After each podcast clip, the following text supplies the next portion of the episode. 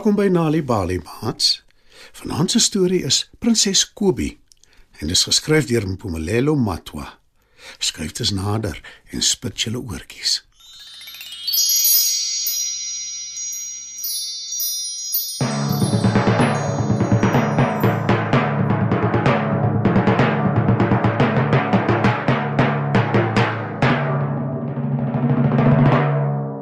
Daar was eendag 'n baie ryk man.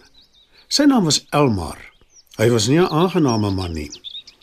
Elmar het baie werknemers gehad, maar hy het hulle sy dienaars genoem. Hulle was alles behalwe gelukkig daarmee, maar omdat hulle die werk en die inkomste nodig gehad het, het hulle dit noodgedwonge aanvaar. Al het dit hulle gegrief. Elmar was ook lief om te spog. En toe op 'n dag roep hy al sy werknemers bymekaar en kondig aan: Ek het 'n luukse lewe. Ek het alles wat ek wil hê en baie meer as wat ek nodig het. Ek het 'n huis wat soos 'n paleis lyk. Ek kon net sowel 'n koning gewees het. Daarom wil ek hê dat julle van vandag af wanneer julle in my teenwoordigheid is, voor my moet buig. Elmar se 7-jarige dogtertjie Kobie is sy oogappel. Hy maak seker dat Kobie altyd 'n dienaar het om haar te help, sodat sy niks self hoef te doen nie en ook sodat sy nie seer kry nie. Wanneer julle met my dogter praat, spreek haar aan as prinses Kobie. Beveel Elmar sy werkers. Hulle stem in alhoewel hulle onwillig is en dink dit is belaglik. Maar nie een van hulle wil met Elmar stry nie. Van nou af maak ek net kos waarvan jy hou, prinses Kobie. Sê die kok gelate vir Elmar se dogter. En die werker wat haar versorg sê: Prinses Kobie, ek sal elke aand vir jou 'n storie lees voordat jy gaan slaap en jy kan self kies watter een jy wil hoor. Maar Kobie antwoord: Ek hou nie daarvan as jy buig elke keer wanneer jy my sien nie. Hou asseblief op daarmee. En moenie my prinses Kobie noem nie asseblief. My naam is net Kobie.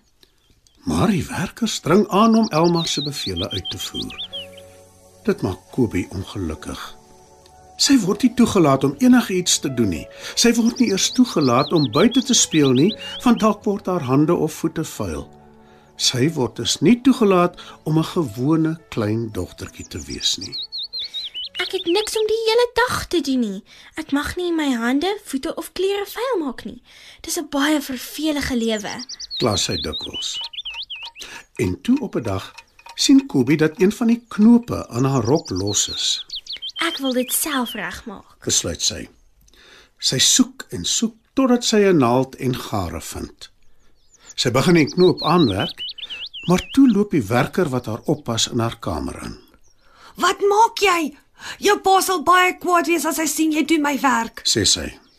Maar ek wil die knoop aanwerk. Dring Kobie aan. Nee, asseblief hou op. Ek wil nie in die moeilikheid kom nie, dis my werk. Sê die werker en sy vat die naald by Kobie. Eina, Roep Kobie, toe sy die naald probeer weghou van die werker af. Sy het haarself per ongeluk raak gesteek daarmee. Sy en die werker huil nou albei. Haar pa hoor dit en kom by haar kamer ingestorm.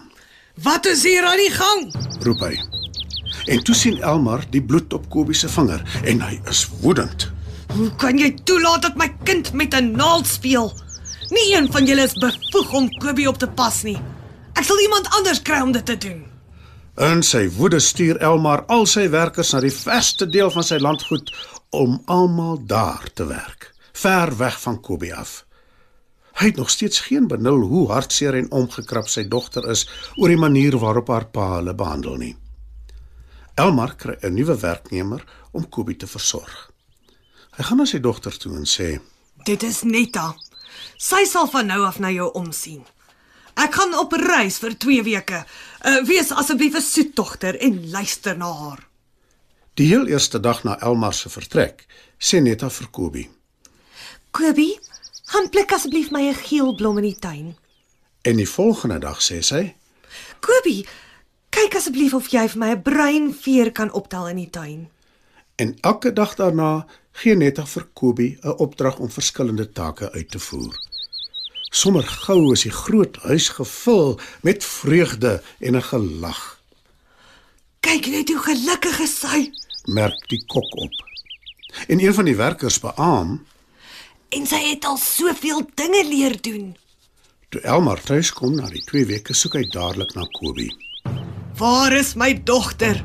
En waar is Netta? Wil hy ongeduldig weet. Hulle is in die tuin. Antwoord een van sy werkers. Wat maak hulle daar? Wil Elmar weet en die werker antwoord huiwerig. Ek uh, ek dink hulle speel speletjies. Wat? Roep Elmar ontsteld uit. Gaan haal dadelik vir Netta. Ek wil met haar praat hieroor. Maar toe hoor Elmar die klokhelder gelag van sy dogter in die tuin en hy sê: Wag eers. Is dit my dogter wat so lag? Ek het nog nooit so 'n pragtige klank in my lewe gehoor nie. Hy gaan na die venster en kyk buitentoe.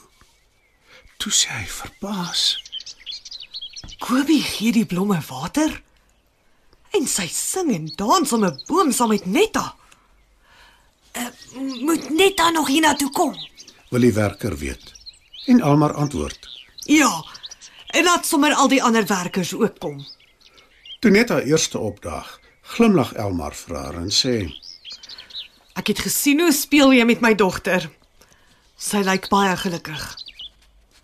Wanneer kinders speletjies speel, leer hulle dinge sonder dat hulle dit agterkom. En dit maak hulle heel gelukkig. Hulle leer allerlei dinge oor die natuur, oor hoe om dinge met ander te deel en ook om na ander om te sien. Antwoord Netta.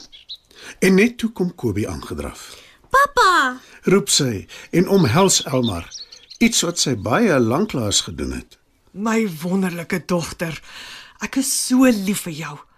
Ek was te bang om jou toe te laat om self dinge te doen, want ek wou nie hê jy moet seer kry nie. Ek besef nou ek was verkeerd. sê Elmar. Toe draai hy na Netta en sê: Dankie vir alles wat jy tot dusver vir my dogter gedoen het. Sal jy asseblief aanhou om haar onderwyser te wees en om haar dinge te leer? En natuurlik om saam met haar te speel. Netta stem dadelik in. Toe draai Elmar na sy werkers toe en sê: Ek is jammer dat ek julle so sleg behandel. Dit was verkeerd van my. en sy werkers sien die trane van berou in sy oë. Vergewe my asseblief. Pleit Elmar. En hulle vergewe hom almal. En van toe af leer Kobie elke dag nog nuwe dinge en sy word al slimmer totdat sy 'n hardwerkende, slim jong meisie word wat met almal oor die weg kom en wat vir almal omgee. Mats, dit was nog 'n aanbieding van Nali Bali Storytyd. Die titel van vanaand se storie was Prinses Kobie, geskryf deur Mpumelelo Matwa.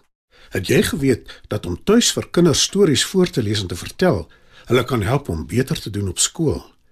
As jy gratis stories wil hê om vir jou kinders voor te lees of stories wat jou kinders self kan lees, besoek die Nali Bali webwerf www.nalibali.org of die Mobi werf www.nalibali.mobi. Daar sal jy stories kry in 11 amptelike tale, asook wenke hoe om stories vir kinders voor te lees en met hulle te deel sodat hulle hulle volle potensiaal kan bereik. Hou ook koerante dop vir die tweetalige Nali Bali lees vir genot bylaag waarin daar wonderlike kinderstories en aktiwiteite is. Nali Bali. Dit begin met 'n storie.